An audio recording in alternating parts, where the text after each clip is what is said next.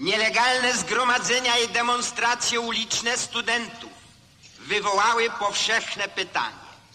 O co chodzi? O co chodzi? O co chodzi? Dlaczego studenci występują przeciwko władzom państwowym? Miastowa.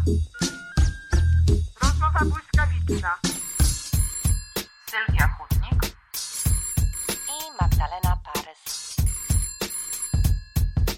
Witajcie w szóstym odcinku naszej cudownej, niepowtarzalnej międzymiastowej. Z Berlina wita Was Magdalena Parys, a z Warszawy... Za to wita Was Sylwia Hutnik. Hello, hello. Halo Nasz mówi się, tak. Halo mówicie, halo mówicie. Nasz początkowy propagandowo-studencki trailer w brawurowym wykonaniu pierwszego przewodniczącego KZ PZPR, niezapomnianego Władzia Gomułki, nie jest przypadkowy. Nie pomyliłyśmy ani dat, ani rocznic, po prostu uważamy, że energia, która towarzyszy, e, a właściwie raczej towarzyszyła protestom 68 roku, wraca po 50 latach nie tylko do Ameryki, ale też do Europy. Dlatego wracamy z naszym tematem Świat w ogniu z zeszłego tygodnia na nasze europejskie podwórko dzisiaj i traktujemy naszą dzisiejszą rozmowę jako ciąg dalszy rozmowy z zeszłego tygodnia. Dlatego taka nasza sugestia, proponujemy wszystkim słuchaczom, żeby dla lepszego ogarnięcia międzymiastowej i trochę lepszego oglądu, bądź co bądź niełatwej tematyki, niełatwego tematu, żebyście powrócili po prostu do odcinka piątego, który wciąż jest aktualny, albo po wysłuchaniu tego, no po prostu, no to jest jedna nierozerwalna całość. Także proponujemy też jeszcze odcinek z zeszłego tygodnia, żeby lepiej zrozumieć, o czym tutaj dzisiaj będziemy mówiły. I teraz zanim Was zagadam, oczywiście dopuszczam Cię Sylwia do głosu, bo w dzisiejszym odcinku chciałabym postawić pewną tezę. Mm, już się boję.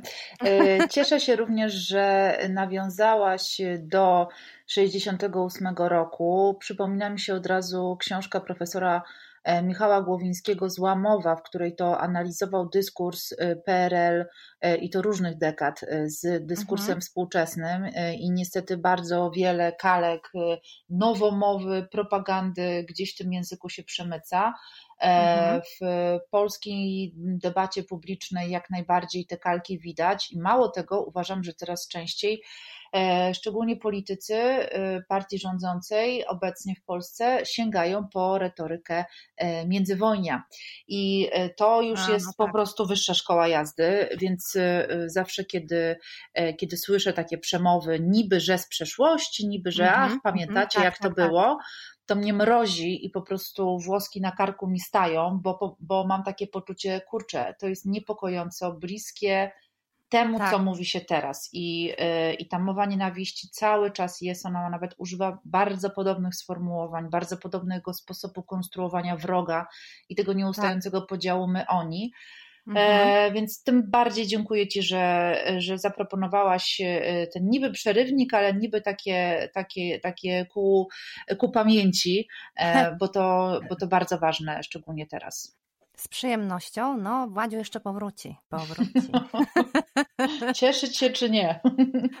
Jezu, wiesz co? Bo jak mówisz o tym, że właśnie powraca ta mowa, czyli y, językoznawczo podchodzisz do tego, to mam wrażenie, że tutaj e, powracają, znaczy mamy e, do czynienia z tymi kalkami, Hmm. a w przypadku właśnie akurat lat, lat 60. z Polski mamy tematykę, która się powtarza, prawda?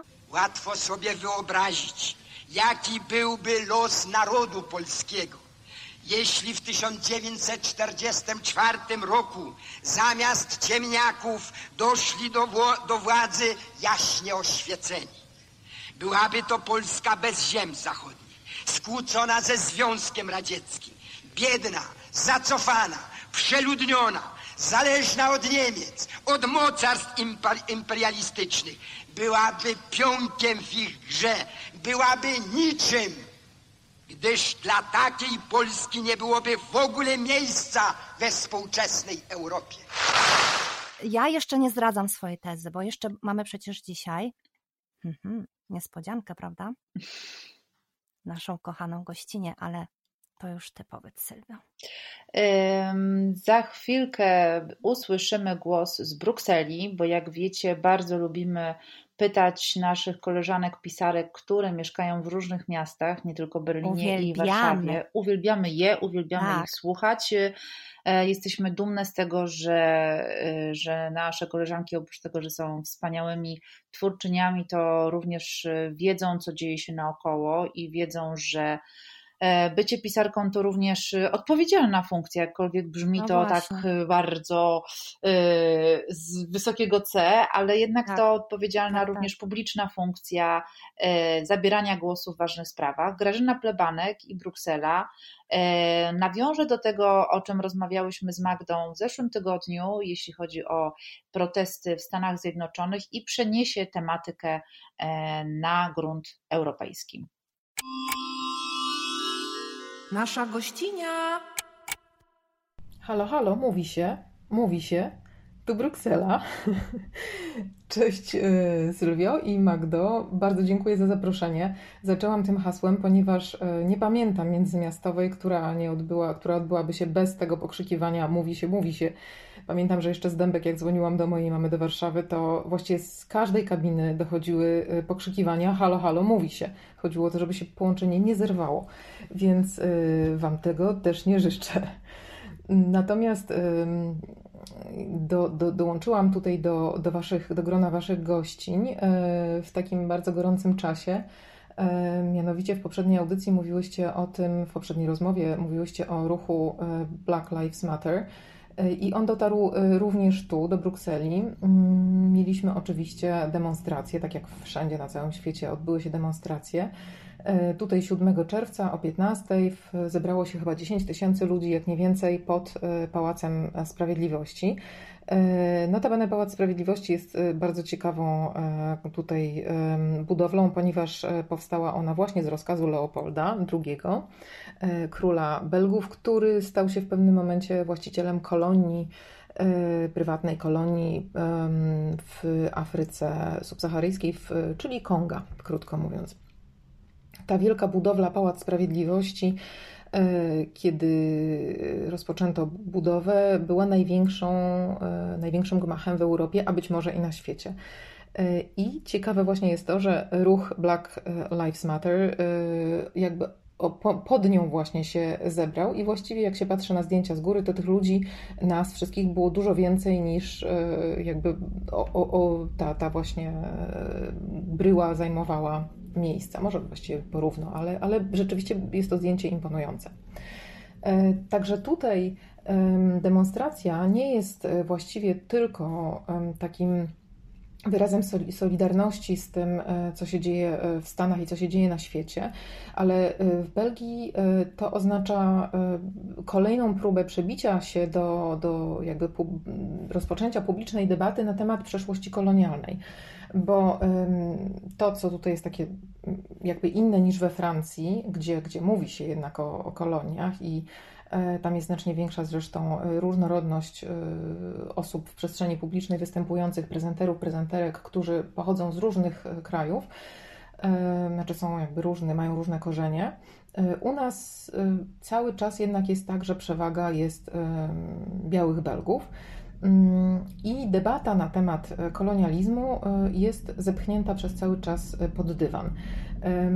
Wzięło się to stąd, że król Leopold, który skolonizował Kongo na początku, znaczy na przełomie XIX i XX wieku, był niezwykłym wprost manipulatorem i przede wszystkim prekursorem propagandy stosowanej na ogromną skalę.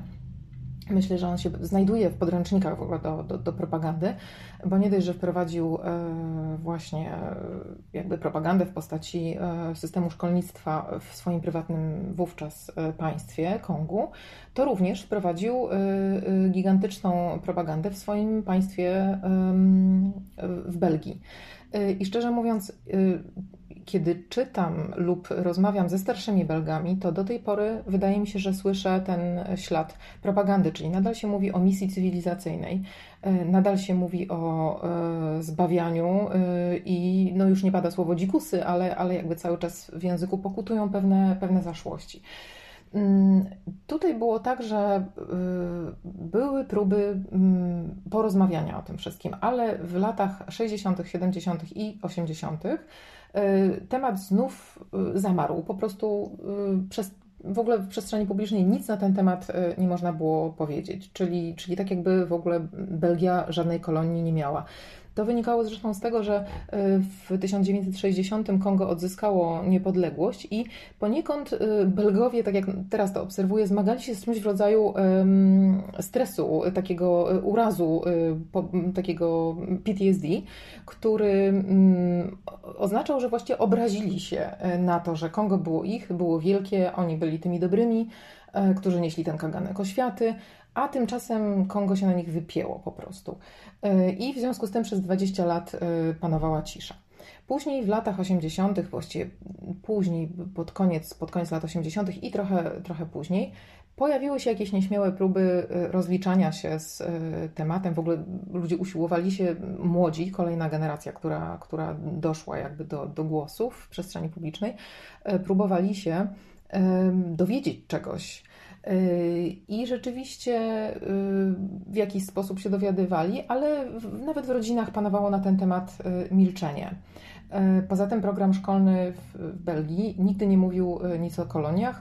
Jeszcze niedawno mówiło się o, o wielkim odkrywcy, którym był Leopold II. Także tego typu propaganda rzeczywiście przez pokolenia no, wprowadziła pewien sposób myślenia do, do głów. Mnie to bardzo przypomina to, co usiłowano z nami zrobić podczas socjalizmu, kiedy chodziłam do podstawówki, to Pamiętam, że tłuczono nam do głów, że jest bratni Związek Radziecki, że jest przewodnia rola partii, że pierwszy sekretarz PZPR jest najważniejszą postacią w ogóle na, na, na, na całym globie. E, przy czym tu w Belgii e, tym pierwszym sekretarzem był właśnie król. To jest e, kraj, gdzie, gdzie, gdzie jakby jest monarchia, ona jest oczywiście zmarginalizowana w tej chwili, ale jednak ten król nadal jest, więc jakby taki, taka estyma dla tego stanowiska jest bardzo duża. I teraz, kiedy zaczynają te pomniki być polewane czerwoną farbą i, i są na nich napisy, no to niektórych, niektórych to boli. Przy czym ruch y, Black Lives Matter spowodował to, że y, po raz pierwszy, od czasu jak tu jestem, a jestem już tu 15 lat, po raz pierwszy temat wszedł do mainstreamu, czyli prasa, y, media, telewizja zaczęły w ogóle na ten temat rozmawiać i kolejne doniesienia na temat jakby tego, że te pomniki są w jakiś sposób tam naznaczane tą czerwoną farbą, to, to już nie jest traktowane jako akty wandalizmu, bo szczerze mówiąc, ja przez kilka ostatnich lat chodziłam z moimi znajomymi. Miałam tutaj, czy mam cały czas dużo znajomych z diaspory kongijskiej, i myśmy po prostu chodzili pod te pomniki, zwłaszcza pod ten główny Leopolda, który, który mieści się w samym centrum Brukseli. Chodziliśmy tam na demonstracje i no, jakby rzucało się tam takimi plastikowymi rękawicami wypełnionymi czerwoną farbą. Dawało to spektakularny efekt rzeczywiście wizualny ale niestety żadnego w mediach. Y, I w mediach te próby podniesienia tematu, no już nawet w taki desperacki sposób, y, traktowane były właśnie jako akty wandalizmu. Natomiast w tej chwili sytuacja się zmienia bardzo dynamicznie i zmienia się ona w ciągu y, dosłownie z dnia na dzień, z godziny na godzinę, bo mm, na przykład jedna z takich bardzo porządnych zmian to jest to, że ministerka kultury, ministerka edukacji już w tej chwili przygotowuje, e, oczywiście z zespołem, e, program, wzbogacony program szkolny, który tam do tej pory był taki opcjonalny tylko kurs historii Konga, który można było wziąć lub nie. W tej chwili będzie obowiązkowy nie tylko kurs historii Konga, ale również historii kolonizacji belgijskiej w Kongu. To ma wejść do programu szkolnego i wreszcie, dlatego że wcześniej po prostu o to się cały czas prosiło i nie można się było doprosić. E, pomniki. E, kiedyś mi się wydawało, że należy je wszystkie zrzucić z sokołów. Pomniki Leopolda II i, i ludzi związanych z e, kolonizacją. W tej chwili zgadzam się z ludźmi, którzy, którzy dyskutują na ten temat i są to nie tylko już biali eksperci, ale też właśnie moi znajomi aktywiści, którzy się pojawiają po prostu w programach telewizyjnych Zgadzam się z tym, że zniecenie tych pomników w ogóle z powierzchni miasta spowoduje, że znowu temat E, zejdzie do podziemia, czyli znowu będzie zamieciony pod dywan. E, dlatego cieszę się, jest tutaj taki w Brukseli e, jeden z radnych, Pascal Smiet, który postanowił, że, znaczy, który zaproponował, że jeżeli pomniki będą z, z, gdzieś wywiezione, to na ich miejsce lub w ogóle w przestrzeni miasta powstaną takie miejsca upamiętniające mm, ofiary w Kongu.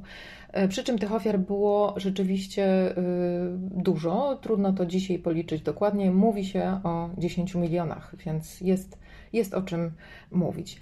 Y, I rzeczy dzieją się rzeczywiście, tak jak mówiłam, błyskawicznie, szybko i, i dynamicznie. Dziś na przykład dowiedziałam się, że y, w sąsiedniej dzielnicy radni postanowili przemianować 11 ulic czy skwerów, które nosiły te właśnie nazwy takie felerne w tej chwili, czyli Leopolda II czy, czy jakichś jego pomocników i że będą to nazwy, e, które będą nadane na cześć wybitnych kobiet.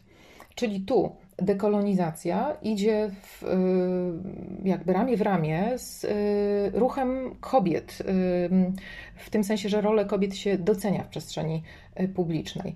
Więc bardzo jestem ciekawa, jak to, jak to się dalej potoczy, bo wygląda na to, że no tutaj Belgia bardzo potrzebuje omówienia całej tej sprawy związanej z koloniami.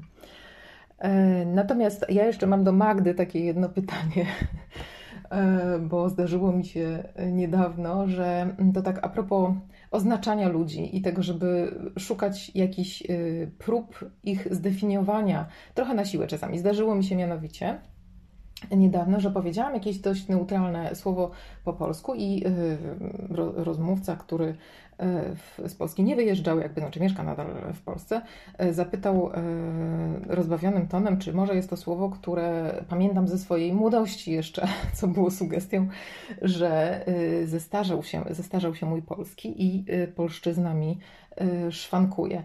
E, więc powiedziałam mu, że nie, że z tego co się orientuję, to jest to normalne słowo, wręcz, wręcz literackie chyba.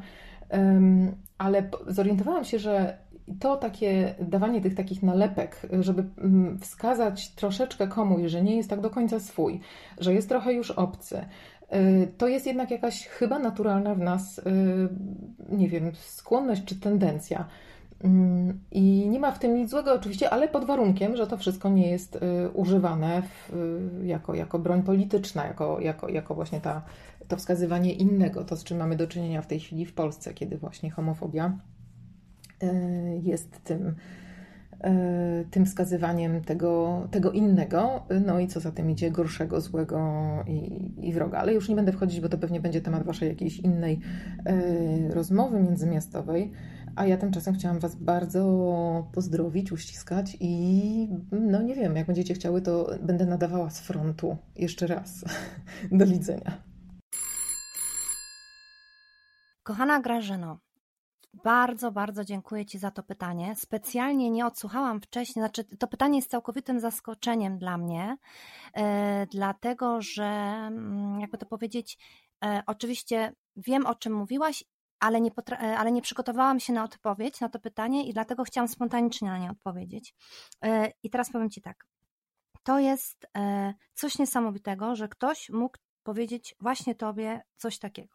Dlatego, że słuchając Twoich wypowiedzi w różnych debatach, w których, no nie, jeśli tylko jesteś w Polsce, bierzesz udział, albo kiedy rozmawiam z Tobą i spotykam się z Tobą prywatnie, albo no, w otoczeniu też z innymi pisarkami, od początku, od pierwszego spotkania e, z Tobą, a to chyba było, nie wiem, w 2011 roku, już wiele, wiele lat temu, byłam zachwycona tym, jak ktoś e, mieszkający tyle lat poza granicami Polski, a w Twoim przypadku to jest przecież Ty nie mieszkasz tylko w Brukseli, prawda, Sylwiono, mamy tutaj do czynienia hmm. z z kimś, kto mieszkał w różnych krajach i ja nie wiem, no Grażyna tak myślę, że ponad 20 czy 25 lat w ogóle mieszka poza Polską. Hmm. I za każdym razem byłam e, e, zachwycona, tym bardziej, że wyemigrowała e, jako młoda dziewczyna z Polski i czy wyemigrowała, ja nie wiem, czy to w ogóle do Grażyny tak pasuje, bo Grażyna jest tak obecna w Polsce też, prawda, że tak mhm. jakoś określona emigrantka, trudno, trudno do niej dopasować. Ale wracając do sedna pytania, otóż byłam zachwycona tym, jak pięknie Grażyna mówi, jak wszystko się zgadza. Zgadza się akcent, jak dobiera słowa i tak dalej. I pamiętam, że mm, kiedy miałam jedno ze swoich takich pierwszych spotkań z czytelnikami, myślałam sobie zawsze, wiesz co Magda, nie możesz się zasłaniać tym, że mieszkasz od dziecka za granicą, ponieważ to, że mówisz, że możesz mówić pięknie po polsku i starać się mówić poprawnie, nawet jeśli masz tam kalki germańskie i tak dalej, to staraj się ich unikać, bo zobacz, jak Grażyna sobie z tym świetnie e, radzi. Ona z tego, że jest za granicą, a tak pięknie e, nadal mówi po polsku i pisze po polsku, zrobiła swój, zrobiła z tego jakby swoją taką, e, no wiesz, no to jest jej taka wizytówka. Mm. I, I to jest coś niesamowitego, dlatego to, o czym teraz mówisz, no totalnie mnie zaskoczyło, więc to tak jakby do Grażyny, a moja odpowiedź na ten temat jest krótka. Tak, Grażyna, ja i mm, Wioleta Grzegorzewska i cała masa innych e, pisarek, których jest coraz więcej przybywa, mieszkających poza granicami Polski. Hmm, ciekawe, dlaczego one tak emigrują z Polski, prawda? E, także teraz, nie tylko wcześniej, za czasów komuny to tak się zastanawiam, e, właśnie kiedykolwiek zabierają głos, to natychmiast e, ja słyszę, że jestem Volksdeutschką. Już nie tyle mi się e, zarzuca, że ja nie powinnam, e, że, że ja jakoś mam archaiczny język czy coś, tylko od razu z grubej rury się wali, że jestem zdrajczynią. Więc jeśli tylko podejmę jakiś niewygodny temat, natychmiast jestem niemrą, szwabką i jeszcze gorsze epitety mm. trafiają, więc Grażynie jeszcze się jakiś taki miły pan trafił. Mm. Bo ja za każdym razem, kiedy po prostu wypowiem się w Gazecie Wyborczej czy gdzieś indziej, a nie zastanawiam się, co to było, tylko po prostu od razu mówię to, co mhm. myślę, to natychmiast później mam taki, e, no, taką jazdę, że to się w głowie nie mieści. Właściwie się już do tego przyzwyczaiłam. Pierwszą przeżyłam dość mocno, e, kolejne już nieco mniej, bo zawsze sobie tłumaczę, że ci ludzie po prostu mnie nie znają, albo, uwaga, cytat, wyrwali moją wypowiedź z kontekstu. Dziękuję. To by było na tyle. Grażyna, pozdrawiam Cię i masz przepiękny, archaiczny i niearchaiczny, cudowny język polski i pozdrawiam też tego e, Pana. Po raz kolejny nam się w ogóle tutaj wątek języku, języka no. porusza i ten językowy poziom e, wypowiedzi, oczywiście no, dla nas pisarek nie powinno być to nic niesamowitego. Zajmujemy się językiem i tak. językiem E, posługujemy się jako, e, jako nasz wyrażeniem, sposobem wyrażenia naszych e, nie tylko opinii, ale przede wszystkim naszej wyobraźni. Natomiast tak, to tak. bardzo ciekawe, co powiedziała Grażyna i co Ty, Magdo, powiedziałaś. To znaczy, z jednej strony Wasza tożsamość jako Polek, ale nie mieszkających w Polsce, więc nie wiadomo teraz, jakby, jak Was tu traktować. Tak, zatem milczcie. Zatem Piszcie milczcie, swoje bo, tak. tak, bo Wy przecież Piszcie te swoje książeczki, te romansidełka, to wszystko, bo przecież przecież nawet nie będziemy tego czytać. Nie? Tak, no więc to jest no. też dodatkowo też myślę, że dla Was upupiające i jako kobiet, które i tak zwykle są nacenzurowane, jeśli wypowiadają się publicznie, a jeśli wypowiadają się na tematy społeczne czy polityczne, to już w ogóle nie traktuje się ich poważnie. A w Waszym przypadku mm -hmm. rzeczywiście zamiast jakby docenić perspektywę tą z zewnątrz i taką bardziej e, e, ogólną i szeroką niż tylko ta polska, to zarzuca się Wam no właśnie zdradę ojczyzny i całą resztę. Ale Oczywiście. w warstwie językowej to też jest ciekawe, że z jednej strony e, to, o czym mówiła Grażyna, czyli podkreślanie, że ach, no nie było Ciebie tyle lat, a z drugiej mm -hmm. strony to, o czym my rozmawiałyśmy, rozmawiałyśmy mm, chyba już kilka razy tutaj e, w czasie naszego podcastu, to znaczy e, kwestie politycznej poprawności, nowego języka tak naprawdę, no którego mhm. szuka się na określenia też mniejszości, po to, żeby ich nie urazić, po to, żeby akceptować ich potrzeby i ich doświadczenie. Tak. Więc to I, wszystko. I, tak, tak, tak. I z duchem czasu w tym, now, w tym tak, języku. Oczywiście. Bo Grażyna obraca się całkowicie w innej strefie językowej. Ja tak samo. Na co dzień mówimy, używamy zupełnie innego języka. Tak. I kiedy wracamy do Polski, zdarza się niejednokrotnie, że jeszcze jesteśmy mm, y, no, pod wpływem tego, jak mówiło się parę miesięcy temu. Tak. A pamiętajmy, że my żyjemy teraz w czasach tak dynamicznej, tak dynamicznych, y, gdzie y, właściwie nie tylko kalek z angielskiego i tak dalej, ale też takiego jakiegoś nowo słowotwórstwa, prawda? Mhm. Jakiejś takiej niesamowitej leksykologii. Mhm. E, dlatego ja nie wstydzę się zapytać Ciebie, Sylwio, czy na przykład mogę to powiedzieć tak czy inaczej. Tak, nie ma w tym e, nic złego, tak. oczywiście. Ja myślę, że I należy to robić. Tak, masz rację, gdybyśmy częściej pytali się i pytały, ej, sorry, jak się, jak mhm. się powinno mówić, to byłoby po prostu klarownie, jeśli chodzi o nasze kontakty. Ja pamiętam, kiedy zaczęłam prowadzić warsztaty literackie e, w areszcie śledczym męskim w, mm-hmm, na ulicy mm-hmm. Rakowieckiej w Warszawie, już nieistniejącym więzieniu, teraz tam jest, czy będzie, Muzeum Żołnierzy Wyklętych. W każdym razie ja prowadząc tam spotkania raz w tygodniu, jednak z trudną grupą, dla mnie przynajmniej, ponieważ wcześniej nie znałam osób osadzonych, ja już na pierwszym spotkaniu powiedziałam im, słuchajcie, ja nie będę się teraz uczyła grypsery, gwary więziennej, udawała, że w ogóle spoko szoko, pewnie coś rąbnę nie tak, powiem jakby słowo czy wyrażenia, użyję go nie w takim kontekście, jakim powinnam w miejscu, w którym się znajdujemy i mhm, sorry mhm. za to, mówcie mi od razu, E, I absolutnie nie mówię tego po to, żeby was jakby zranić, wręcz przeciwnie. Po tak, prostu chcę, tak. żebyście mi jasno mówili, jak mam mówić, a jak mam nie mówić. I uważałam, tak. że to po prostu ustawiło od razu naszą relację, bo oni widzieli też, że e, że ja ani nie będę udawała, że znam język mm -hmm, wewnętrzny, mm -hmm. ale też absolutnie nie będę udawała, że nic się nie stało, jeśli użyję sformułowania, które w jakiś sposób ich urazi. No Natomiast. Tak, od początku, tak, mm od początku uniknęliście konfliktów. Tak, prawda? no i nie ma w tym mhm. nic złego, że pytasz. No, mm, uważam, że, że to jest jak najbardziej e, w porządku. Dzisiejszy temat.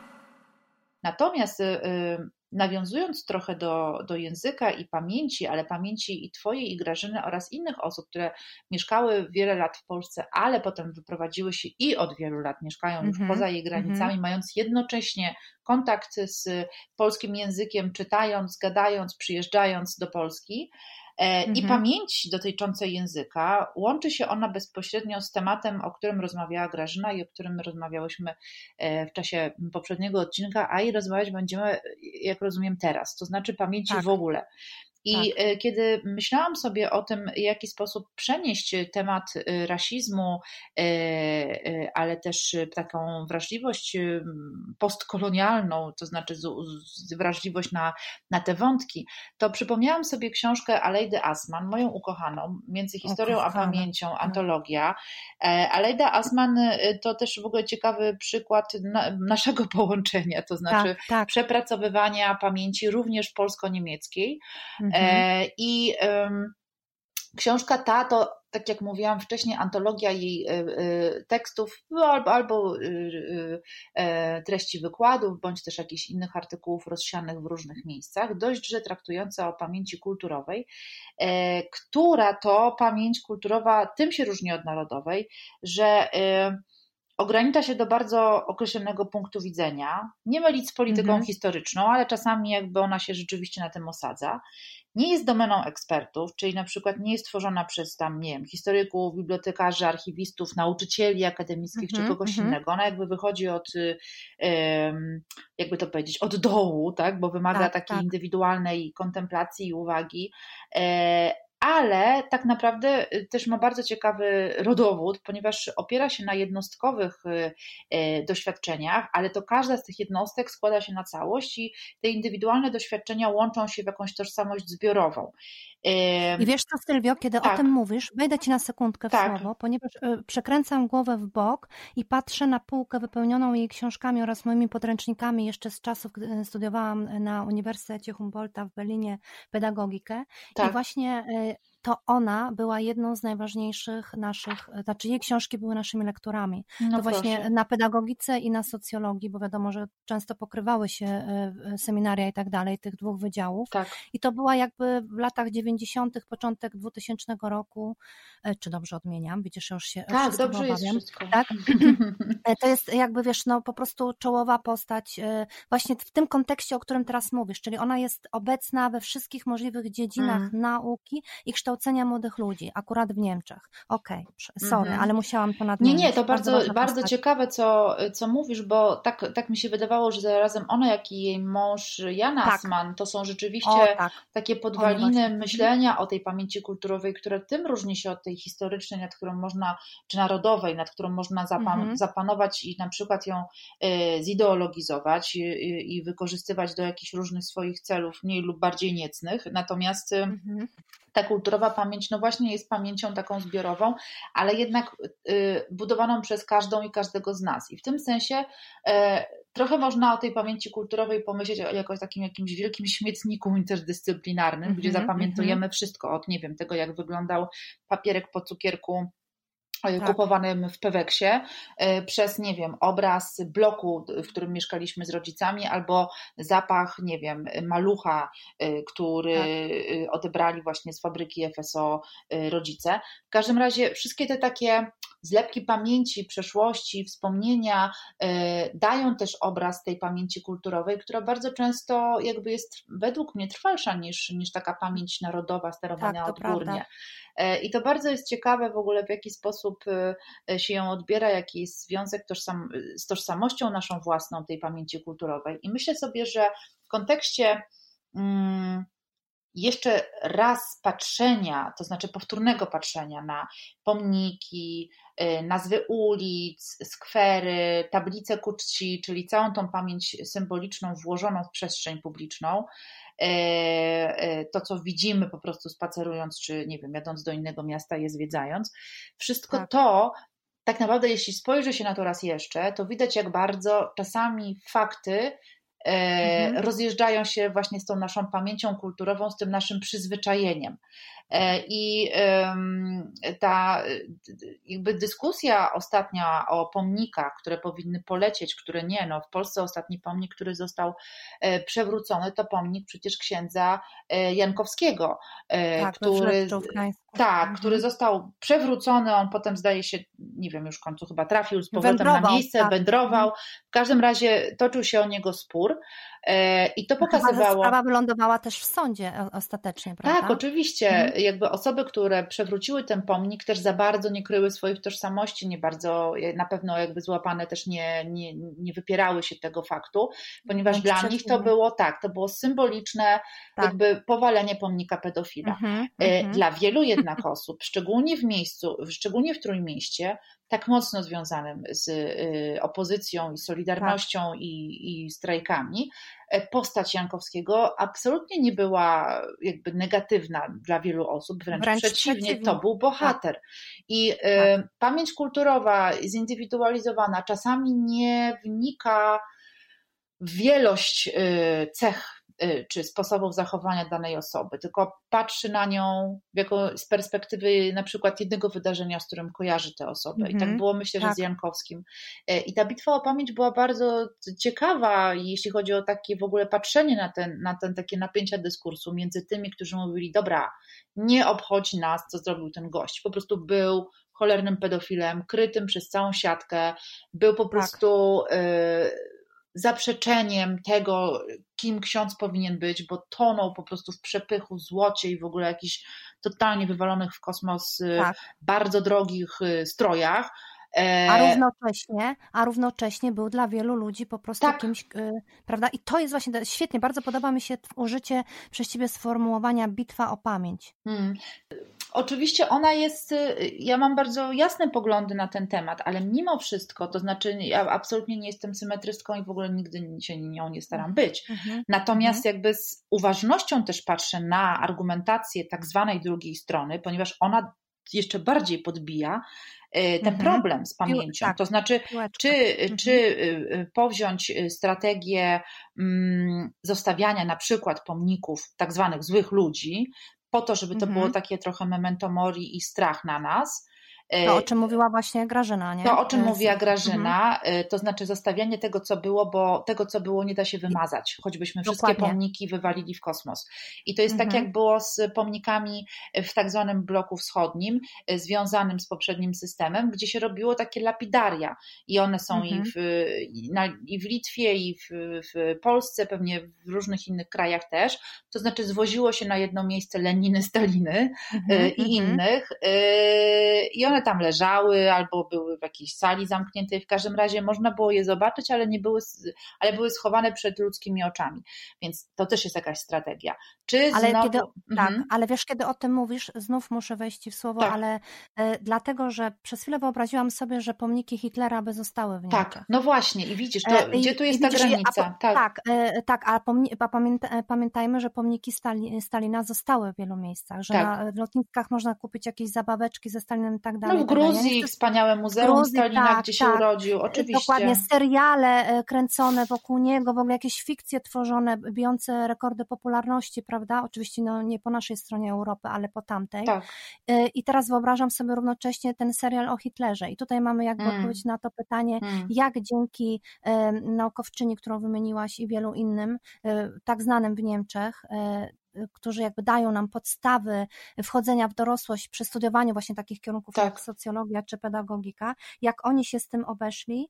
I nie chcę to jakby stopniować, czyjaś e, przewinienie jest większe od Stalina czy Hitlera, bo tego po prostu w ogóle to nie jest temat naszej dyskusji, ale jednak no, nie, nie, y, y, to pokazuje, jak uporano się z edukacją pamięci, to znaczy z, z wyedukowaniem i y, następnych pokoleń. To, Mhm. że tych y, pomników nie ma, a jeśli jest, to jest pomnik właśnie poświęcony ofiarom Holokaustu w Berlinie, prawda, ten Tak. słynny, który też wiele lat czekał na swoje powstanie. Oczywiście. To jest, prawda? No więc to jest niesamowicie ciekawy temat i w ogóle też jakby chyba, kurczę, boję się, że będziemy miały już trzecią część naszej dyskusji. miałam- Ale wiesz co, Ale to już- tak jest, no, że, za, no. że zaczynasz gadać i tam ci wychodzi ileś wątków i potem dobrze, żebyśmy je wykorzystały. One wychodzą gdzieś spontanicznie, to też jest myślę fajne, że nie Będziemy jakoś gadały nie do końca świata jeden dzień dłużej. Tak, to będzie najdłuższy nam podcast, będziemy w Księdze Rekordów. Guinnessa i kto nam zabroni? O, no właśnie, no kto, kto, bo mogę, bo, Bo tak mogę, chcę. oczywiście. Tak, pomogę. Chociaż tutaj wiesz co, po- cytat właśnie z, z tego, z naszego tutaj Wilhelma, e, którego pewnie niedługo pomnik też zniosą, bo sobie przypomną, Tak. że no, też był, e, chętnie by e, chciał być koloniz, e, kolonizatorem, ale mu tak do końca nie wyszło. No właśnie, bo to jest Mhm. też w ogóle bardzo ciekawe, jak z pomnikiem e, Kościuszki w A, e, no Waszyngtonie e, kilka tygodni temu e, na nim znalazł się e, wysprejowany napis Black Lives Matter przy okazji Mhm. protestów w Tak, Stanach. tak. No i Polacy się oburzyli, że o Jezu, o Boże, czarni teraz bezczeszczyli Polaka, Kościuszkę, o Jezu, co to o będzie? Je, o Jezu. I bardzo Tak. w ogóle przytomnie zareagowała Fundacja Kościuszkowska, która napisała Elo, halo, Kościuszko był abolicjonistą i w ogóle. Rozwaga i mądrość polityczna wymagane od każdego bez wyjątku Polaka, których dowód dawało już nieraz nasze społeczeństwo, uderzy po łapach mącicieli, tych, którzy chcieliby zakłócić spokój w najbliższej przyszłości. Do usłyszenia. To jest też w ogóle bardzo ciekawe, jak y, pomniki, mówiąc y, kulturoznawczo, pracują w przestrzeniach. Dokładnie. Mm, Mhm. I Jak są żywe. tak, Jak ale są żywe. ja na przykład nie mam jakichś jasnych recept na to właśnie, jak uporać się z tą pamięcią czy przeszłością i jak sprawić, żeby jej, y, żeby je, ją jakoś cały czas kultywować, a chociaż nie zawsze się jest czym chwalić. No, y, kilka dni temu y, odwiedziłyśmy y, Jedwabne i tam y, słowa nie ma w oficjalnych w ogóle dokumentach gminy na temat tego, co tam się stało, a Tak. najwięcej osób przyjeżdża właśnie na miejsce pomnika, gdzie, gdzie nastąpił pogrom, w miejscu, gdzie, gdzie była stodoła Tak. ze spalonymi Tak.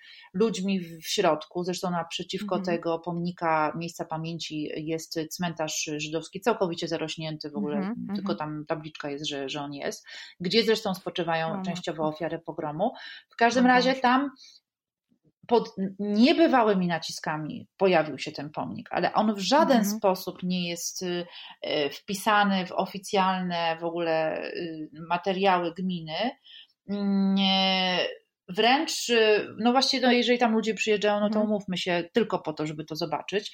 E, Mhm. Wręcz w ogóle jest jakaś kuriozalna sytuacja, bo na, y, na rynku przy kościele jest taka tablica z informacjami a- o historii Jedwabnego, no nic tam nie ma o pogromie oczywiście, a na dole są różne logotypy, tam, tam właśnie jakiś projekt z Unii Europejskiej, coś tam, coś tam i jest jakiś projekt który się nazywa Sąsiedzi, bo to jest jakiś pewnie projekt tam, nie wiem, tak. przyjaźni między miastami, nawet nie wiem co. Mhm. No Mhm, ale wiesz, mhm. jakby użycie w No kontekście ogóle, jedwabnego tak. Logotypu Sąsiada, z napisem tak. sąsiedzi, to jest po prostu no już taki chichot No. historii i pamięci, że, że ja No. nie mogę. Chochą, Mhm. ale to wszystko Tak. dla te, wychodzą takie kwiatki, bo e, wszystko dlatego, że ulubioną polską, nie wiem jak w Niemczech, s- Mhm. wydaje mi się, Mhm. że tam jest to lepiej przerobione, ale w polską strategią, a już szczególnie jeśli chodzi o kwestię antysemityzmu, to jest zamknąć oczy i jak dziecko udać, że w związku z tym, że my Tak. nie widzimy, to nie widzą też nas, a w ogóle tego, cośmy zrobili. Więc y, no, Tak.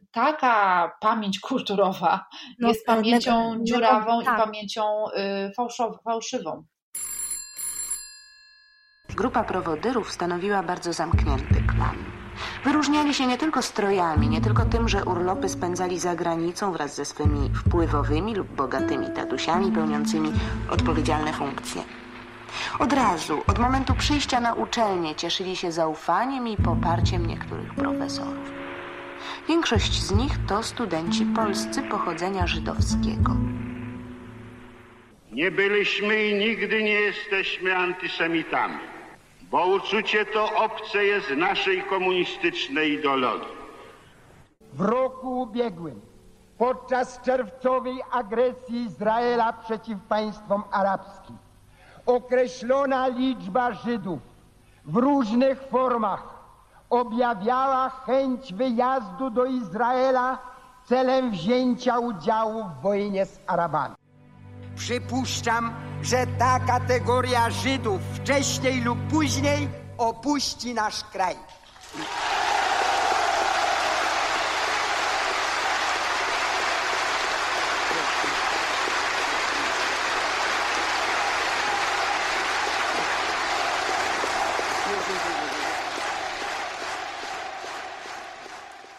To jedwabne, ci sąsiedzi, ten brak przerobienia historii, zamiatanie historii pod dywan, no to jest wręcz, y, wiesz, zmierza ku chorobie psychicznej nieuchronnej. Sorry, Tak. ale tak muszę to nazwać. Dziękuję Ci bardzo, że o tym powiedziałaś. W ogóle, y, no widzicie, my w ogóle z Sylwią, y, prawda, nie omawiamy sobie tego wcześniej, o czym, my wiemy, o czym będziemy mówiły, ale nie wiemy, dokąd nas, dokąd ja zawiodę Sylwię, a dokąd Sylwia za, zawiedzie mnie. I teraz stała się taka niesamowita rzecz, że taki świetny most się stworzył ku temu, co chciałam powiedzieć, bo przez chwilę O. myślałam, Boże, jak ja teraz wyskoczę ze swoją tezą, to Sylwia powie, wow, Magda, super, wiesz, później dostanę, tak powiem, po głowie po podcaście, nie?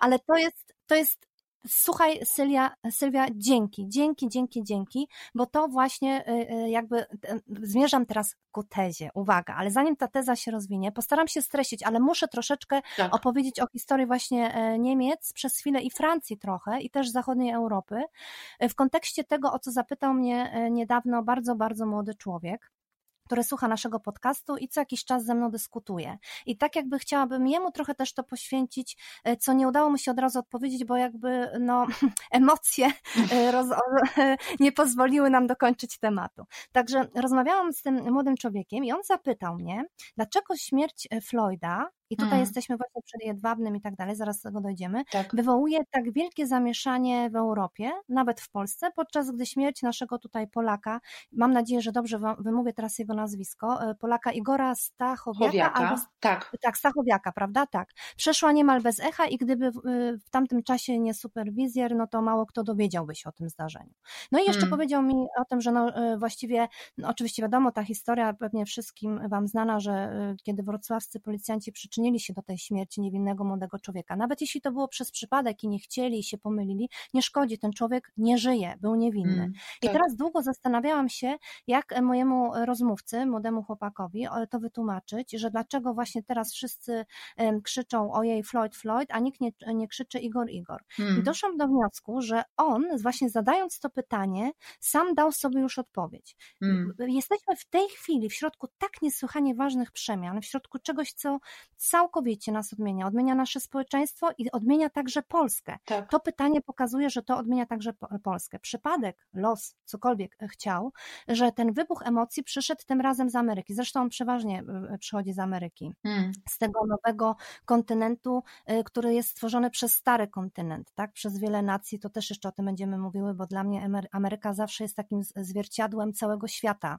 bo tam są po prostu ludzie z każdego zakątka świata i tam sz- najszybciej wszystko się dzieje. Hmm. No i teraz przychodzi to do nas, do Europy. Skoncentrujmy się teraz trochę na naszym podwórku, ale to nie znaczy, że skoro klęczyliśmy przed ambasadą amerykańską w Warszawie, wyrażając w ten sposób swój sprzeciw wobec rasizmu, czyli to, o czym mówiłyśmy tak. w poprzednim odcinku, że to nie ma swoich, że, że nie mamy swoich spraw i swoich refleksji tu na miejscu w Europie, bo ten przypadek w Ameryce, ta śmierć dał, dała asumpt mojemu młodemu rozmówcy do tego, aby zapytał o niesprawiedliwość hmm. w jego kraju, tak. o przemoc i brutalność policji w Polsce, czyli dała mu też powód albo sprowokowała go do kolejnych pytań. Czyli mamy dokładnie to, i tu wracamy do 68 roku, do tej pamięci, tak. co wydarzyło się w Ameryce, E, czyli wtedy, kiedy e, wybuchły zamieszki, e, ale które przecież nie wybuchły tylko w 68 roku. One mają swój zaczątek na początku lat 60. To mm. jest już, to jest cały proces. I teraz one mm, w głównym stopniu w Ameryce wyrażały sprzeciw wobec wojny w Wietnamie, sprzeciw wobec tradycjonalistycznego społeczeństwa, walkę o prawa mniejszości i tak dalej po kolei. Mm. I teraz te same protesty w latach 60., czyli miały swoją podobną genezę w Niemczech i w innych krajach zachodnich czyli znowuż to samo, sprzeciw wobec wojny wietnamskiej, bunt przeciwko starszemu pokoleniu. I teraz co się dzieje? W Niemczech dodatkowo bunt przeciwko starszemu pokoleniu, które jest obciążone, y, jest obciążone nasistowską przeszłością, czyli wybuchają lokalne, wybucha problemalna, y, lokalna problematyka tak. i idzie w tą stronę. Oczywiście, że miało tutaj miejsce też coś takiego jak fascynacja y, komuniz, komunizmem maoistowskim i też anarchistycznej mhm. ideologią i tak dalej, ale znowuż, jeśli e, pójdziemy teraz, przejdziemy do Francji, to tam przecież w 1968 roku między majem a lipcem e, stanęła cała Francja. Hmm. Zaczęły, protest, zaczęły się, zaczęło się od protestów studenckich, które były, no wiadomo, bezpośrednią przyczyną tego było usunięcie przez policję demonstrantów z okupowanej um, Sorbony przez nich, ale te protesty doprowadziły do kilkutygodniowego strajku powszechnego, który sparaliżował cały kraj. I teraz z biegiem czasu do studentów przyłączyli się robotnicy. No, kochani, jak się robotnicy i studenci studenci razem zejdą. Hmm. A następnie także inne warstwy społeczeństwa. I teraz to ostrze protestów we Francji skierowane było przede wszystkim przeciwko ówczesnym rządom tak. gaulistowskim, czyli w szerszym polu przeciwko kapitalizmowi, imperializmowi, prze, przeciw właśnie kolonializacji, mam nadzieję, że dobrze to e, tak. wymawiam, no i tradycjonalistycznemu społeczeństwu. I teraz w rezultacie, do czego zmierzam? Te wydarzenia z 1968 roku spowodowały reformy, hmm. a te reformy miały dalekosiężne skutki dla całego życia kulturalnego, politycznego i gospodarczego zachodniej e, Europy. I teraz jestem teraz wreszcie przy swojej tezie. Przepraszam, musiałam to rozwinąć, bo wiem, że wielu Oczywiście. z młodych słuchaczy naszych o tym nie wie. Zmierzam do tego, że to, co dzieje się teraz, jest 68 rokiem, tylko 50 lat później. Hmm. Przez całe lata zarzucano młodzieży, że to jest młodzież, na przykład w Niemczech mówiono młodzież szpasu, szpas to zabawa, radość i tak dalej, że w ogóle są apolityczni, że się mhm. kompletnie niczym nie interesują i tak dalej. I teraz e, wybucha gejzer emocji, tak. Mamy prawdziwe tektoniczne przesunięcia w Europie. W każdym kraju wypływa na wierzch to, co jest najbardziej palącym problemem. I teraz e, Oczywiście zaczęło się od śmierci Floyda, zaczęło się już dużo wcześniej, ale w mm. Niemczech jest miliard tematów, które teraz wy, e, wypływają. Ja nawet nie wiedziałabym od czego zacząć, tak jest ich dużo, tyle jest tych demonstracji, sprzeciwów, przewałki w mediach na każdy możliwy temat. Ludzie po prostu dorwali się do głosu i krzyczą, i krzyczą, i krzyczą, i mają odwagę krzyczeć, a w Polsce to, o czym mówiłaś, przychodzi y, przykład LGBT, czyli tak. skrótowiec odnoszący się do lesbijek, gejów, osób biseksualnych i transpłciowych, że to jest idol, y, słyszymy nagle, że to jest idol ideologia i że to nie są ludzie. I teraz to padło na tak żyzny grunt, że właściwie nasz rządzący nam tutaj pięknie prezydent nawet nie zdał sobie, nie zdaje sobie chyba do końca sprawy, że wszedł w, w nurt tych przemian, że y, in, intuicyjnie przez swoich jakieś, no nie wiem, nie za bardzo, przepraszam, muszę to powiedzieć, y, przemyśla, y, przemyślane, no nie wiem, dobra, przez niezbyt może swoich mądrych doradców rzucił się na temat, który może by jeszcze rok temu czy dwa lata temu chwycił, tak. ale nie w dzisiejszym świecie. W dzisiejszym dzisiejszym tak. świecie po prostu, gdzie młodzież nie ogląda ani pierwszego programu, ani drugiego programu, tylko ogląda YouTube i jest podatna na wszystko, co przychodzi z zewnątrz i ma własne przemyślenia mm -hmm. i mhm. własne mm -hmm. refleksje, no trudno, żeby po prostu jemu teraz w sondażach poszło cokolwiek do góry, mm -hmm. tak? E, po takich wypowiedziach. I teraz i, I teraz do czego zmierzam? Bo właściwie tu już kończąc i zamykając ten temat, uważam, że Polska jest krajem, e, jeśli teraz zderzymy ze sobą ten 68 rok Tak. na zachodzie, ten 68 rok e, w tym, co działo, z tym, co działo się w Polsce, to technicznie wyglądało to tak samo. Rzucili się na barykadę kto? Studenci. Mm. Ale studenci e, na zachodzie walczyli o konkretny, kolejny krok ku cywilizacji. Jakkolwiek byśmy tego teraz po latach nie ocenili, tak? Nagle okazało się, że kobiety nie muszą więcej na zachodzie pytać mężów, czy mogą wyjechać na urlop. Oni nie muszą im podpisać, czy mają Tak. czy mogą iść do pracy i tak dalej. To przyniosło ze sobą reformy niepowtarzalne. To się zamieniło po prostu w jakiś światopogląd. Urodziła się nowa Europa po 68 roku. Mhm. Ona nie wszystkim musi się podobać, ale ona Tak. jest nowa, inna. Czyli z czym mieliśmy do czynienia? Mieliśmy do, do czynienia z, z rewolucją kulturową i to w Mhm. znaczeniu szczególnym kulturową. Podczas gdy w Polsce ludzie walczyli o przetrwanie, o chleb powszedni. Tak. I on walczy o swoje życie. On mówi: Ja chcę żyć, ja chcę być po prostu wolny. Ja po Hmm. prostu chcę powiedzieć, co myślę. I dla mnie to jest w tym momencie reżim. Dlatego ja tak jakby wracam znowu do trzeciego czy czwartego odcinka naszej e, wypowiedzi, kiedy naszego podcastu, kiedy mówiłyśmy o tym, o takich prawach podstawowych, których ludzie wtedy e, no nie do końca, no po prostu ich nie mieli, o czym Hmm. też zaraz przypomni nam Władzio. E, em, nasz tutaj Gomułka. Proszę towarzyszy o zachowanie spokoju i pilnego wysłuchania tego, co na ten temat zostanie z tej trybuny powiedziane. Później będziecie rozsądzać. I w Polsce ta rewolucja kulturowa nigdy nie miała miejsca. Ona po prostu tego nigdy nie było. I teraz pierwszy raz Polska po odzyskaniu niepodległości, w 80, w- wiesz, od 30 lat e, wolna prawie, styka się z tym, z czym Zachód się styka jakby co, co i róż, tak?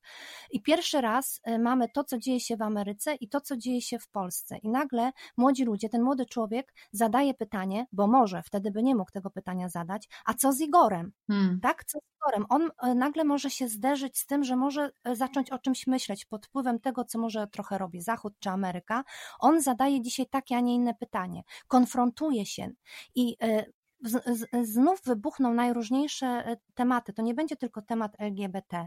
Również przyjdzie znowuż ten temat tej zagrzebanej historii polskiej. Hmm. Polska nigdy nie przerobiła, nigdy nie zastanowiła się nad tym, że coś zrobiła źle, że obywatele tamci coś zrobili nie tak, że się nie rozliczyli z przeszłością. Podczas gdy Francja i Niemcy rozliczają się z niej non-stop. Od, od roku 60 nie ma po prostu dekady, gdzie by znowuż nie wybuchło coś, a to zrobiliśmy, to zrobiliśmy, z tego musimy się rozliczyć. I jeszcze ciągle nie osiągnęli zadowalających no, do końca sukcesów, moim zdaniem. Ciągle jeszcze jesteśmy daleko w Niemczech od tego, tak jak ja bym chciała, żeby to było. No ale dobrze, to nie jest jeszcze paradise. Pytanie niespodzianka. W związku z naszym tematem, y, moje pytanie do Ciebie dzisiaj oczywiście musi być związane z pomnikami, a brzmi ono, czy masz jakiś pomnik, niezależnie w którym mieście, czy tym, którym mieszkasz, czy tym, które lubisz odwiedzać, który jest dla Ciebie specjalnie ważny? To nie musi być pomnik ważny dla ogółu i dla tej pamięci narodowej czy kulturowej, o której dziś rozmawiałyśmy, ale dla Ciebie, czy, czy masz jakiś taki ulubiony pomnik, który po prostu dla Ciebie jest ważny? Tak, e, e, dla mnie ważny jest właściwie nie tyle pomnik, bo Berlin jest pełen różnych pomników. Tak. Tak, to nie wszystko. Tutaj dalej możemy, e, wiesz, jak jedziemy, widzieć i pomnik Bismarcka. Wiadomo, że on też nie, nie wszystkim się dzisiaj w Niemczech podoba. I pomnik Wilhelma też się nie wszystkim podoba. Tak. Pomnik no, do, niedawna pałacu, w którym urzędowali sekretarze enerdowscy i tak dalej. W ich miejscu, no rzeczywiście to chyba jedna z takich bardziej em, niesamowitych rzeczy, że został usunięty i w jego miejsce został ten stary zamek jeszcze raz wybudowany. Stary Mhm. powstał na nowo, wrócił. E, e, Z, jakby monarchia miała wrócić. Tak. Tak, ale mm, dla mnie takim szczególnym miejscem w Berlinie jest nie tyle pomnik, ile cała e, budowla. Budowla jedna z bardzo nielicznych, która się zachowała i tam kiedyś było ministerstwo Wiesz co, nie chcę teraz skłamać. W tej chwili jest tam też ministerstwo i za każdym razem spoglądam w różne encyklopedie, żeby sobie uzmysłowić, co tam e, było za ministerstwo i za każdym razem przeraża mnie to tak bardzo, że natychmiast zapominam, że tam wiesz, może być ministerstwo właśnie, wiesz, skarbu, finansów i tak Tak. dalej, bo to takie jest tam dzisiaj. Jeszcze zresztą to y, koniecznie sprawdzę, ale jak sobie coś, coś związanego w każdym razie z militariami, z samolotami Tak. i tak dalej. I to jest a ponieważ bardzo często tamtędy przyjeżdżam, kiedy widzę te okna, takie bardzo specyficzne dla socjal, y, wiesz, no, dla tamtego czasu, niewybudowane za czasów Weimarskiej Bo- Mhm. Republiki, tylko za czasów Hitlera, właśnie z tymi dłu- podłużnymi oknami i tak dalej, z tym całym przemyśleniem, dlaczego budowali tak, a nie inaczej. Mhm. E, mam takie jakieś drżenie, że tam kiedyś była władza i dzisiaj też ona tam jest. A jeszcze w Mhm. dodatku jest to na, Wilhelm, na byłej takiej Wilhelmstrasse, czyli wiesz, takiej ulicy, którą przechodziły wszystkie możliwe pochody i tam była Tak. też nowa kancelaria Rzeszy e, Hitlera. Oczywiście tam potem nie zostało teraz śladu, tam jest tylko pomnik e, dla ofiar Holokaustu. Wielki, wielki, wspaniały Tak. e, e, pomnik. E, No, wielo, niemal, Boże, kochane, to za, pra- ja nie wiem, ile to zajmuje miejsca, ale to jest nie jeden pomnik, tylko po prostu pełno brył pomnikowych, tak? Tak. No ale to też jakby na, na osobny e, odcinek o takich pomnikach właśnie e, temat, ale ym, i to jest właśnie taka ulica, którą wszystkie te przemarsze, wiesz, te wszystkie takie zasięgnięte z pomysłu jeszcze Mussoliniego, kiedy krzyczymy, walimy, pokazujemy tą swoją wielką władzę, że miliony ludzi za nami podążają i idą w kierunku tej tak zwanej Siegessäule, e, czyli wiesz, anioła. Ach, w ogóle to jest niesamowite. No, straszny temat, bo Mm. Berlin jest jeden sam jednym wielkim e, pomnikiem, więc zawsze myślę o tym gmachu. Tak, Mhm. Także kończę, urywam teraz tę dyskusję, bo nie skończę i szybciutko przechodzę do pytania dla Ciebie. Pytanie niespodzianka dla Sylwii. Pytanie niespodzianka. A jest to pytanie zupełnie niezwiązane z naszym dzisiejszym O. tematem, e, dlatego żebyśmy troszeczkę na lekko już skończyły Tak. nasz podcast, a chciałam się Ciebie zapytać o Twój ulubiony podcast teraz, aktualnie. Masz mnie, ponieważ e, tak się składa, że no, pewnie ta, też tak masz, że trudno ci się zupełnie wyłączyć z tej tak zwanej Tak. bieżączki i trudno teraz y, nacisnąć gdzieś u siebie przycisk olewam to i skupić się na emigracji wewnętrznej. No ale oczywiste jest, że czasem trzeba się odciąć, bo by się w ogóle po prostu no, Oszalało. głowa by wybuchła. Więc tak. y, ja y, od dłuższego czasu mam taki, y, taki rytuał, że wieczorami, jak już zrobię wszystko, albo jak zrobię dużo i już nie mam siły na kolejne, a wiem, że jeszcze coś tam muszę zrobić, to mam przerwę i wtedy maluję akwarelami. Uczę się z jakichś tutoriali, więc y, idzie to opornie, ale to mnie w ogóle nie interesuje, bo to jest tylko dla mnie i po prostu mam wielką satysfakcję patrzenia, jak akwarele. y, y, farby kolorowe po prostu przelatują przez, Tak. przez wodę. No i do tego zawsze słucham różnych albo muzyki, albo właśnie różnych podcastów. I nie ukrywam, że od momentu, kiedy my nagrywamy nasz, to ja też Mhm. słucham więcej i bardziej uważnie różnych audycji. Zresztą zawsze bardzo lubiłam radio i też o tym gadałyśmy już Tak, w tak. naszej audycji. E, I e, towarzyszy mi od wielu, wielu wieczorów podcast Marty Niedźwieckiej o zmierzchu, e, który można słuchać między innymi na Spotify'u. Nie ukrywam, Mhm. że Marta jest moją koleżanką. Bardzo ją cenię, ponieważ jest jedną z pierwszych, uwaga, uwaga, seks coachek w Polsce i ja wiem, że teraz Mhm, coaching mhm. kojarzy się po prostu z jakimś rozwojem osobistym i w ogóle jakimiś szarataneriami albo e, No tak. pustymi cytatami na Instagramie, które nic nie znaczą, ale Marta e, jest psycholożką, jest seksuolożką, jest e, osobą, która prowadzi praktyki od lat, która ma bardzo podobne też do mnie poglądy, wolnościowe, ale też bardzo takie bo ja wiem, racjonalne, e, mhm. nie ściemnia tych właśnie wszystkich pop psychologicznych pierdół, które dają nam Tak, tak. e, złudne nadzieje, że w weekend w ogóle wyleczymy e, swoje, swoją depresję, bo się będziemy uśmiechać. E, I nie ma Mhm. tej, tej całej też neoliberalnej. Tak. Tak, nie ma też całej tej neoliberalnej otoczki pod tytułem ach, wystarczy, że będziesz się starała i życie będzie proste. No nie. Mhm. Więc w tym sensie e, traktuję te podcasty, które dotyczą kwestii e, psychologicznych, seksuologicznych, ale tak naprawdę życiowych. One są rzeczywiście bardzo takie, no uważam, uniwersalne do Mhm. zastosowania w różnych dziedzinach życia.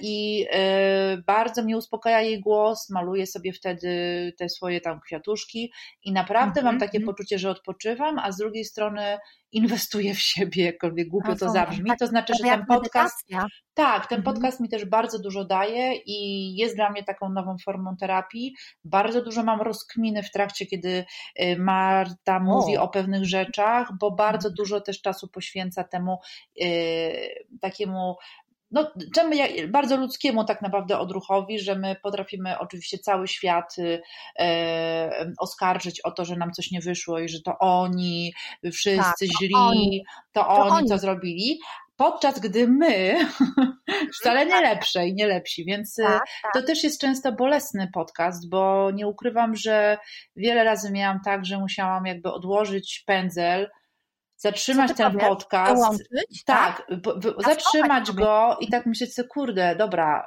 jakby to jest coś, co mnie totalnie gdzieś w ogóle zabolało, dotknęło, coś mi poruszyło, wiesz, że to jest taki moment, że musisz Tak, dać tak, sobie chwilę spokoju i ułożyć w głowie, więc rzeczywiście to jest bardzo taki, no dużo mi dający ostatnio y, podcast o zmierzchu, Marta Niedźwiecka, O, bardzo, już bardzo ja polecam. e, zapisałam, a teraz proponuję Ci na koniec jeszcze krótki łyczek herbatki i takie mocne uderzenie, bo przecież mamy jeszcze listę przebojów. Nie zapomniałam, Magda.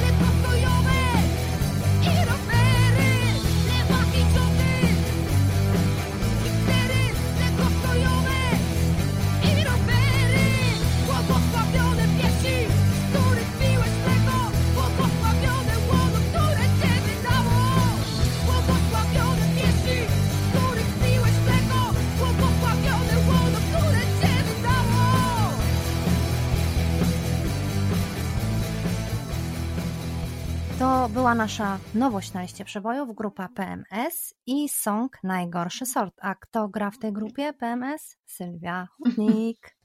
No i myślę, że może w następnych podcastach już będzie nam trochę lżej, ale jeszcze nawiązując, znaczy przejdziemy do może trochę lżejszych tematów. Może nam się Ja nie uda. wiem, czy nam się uda. Ja nie wiem. Znając nas, to wiesz, to będzie pszczółka Maja, a polityka y, krajów y, rozwiniętych. No.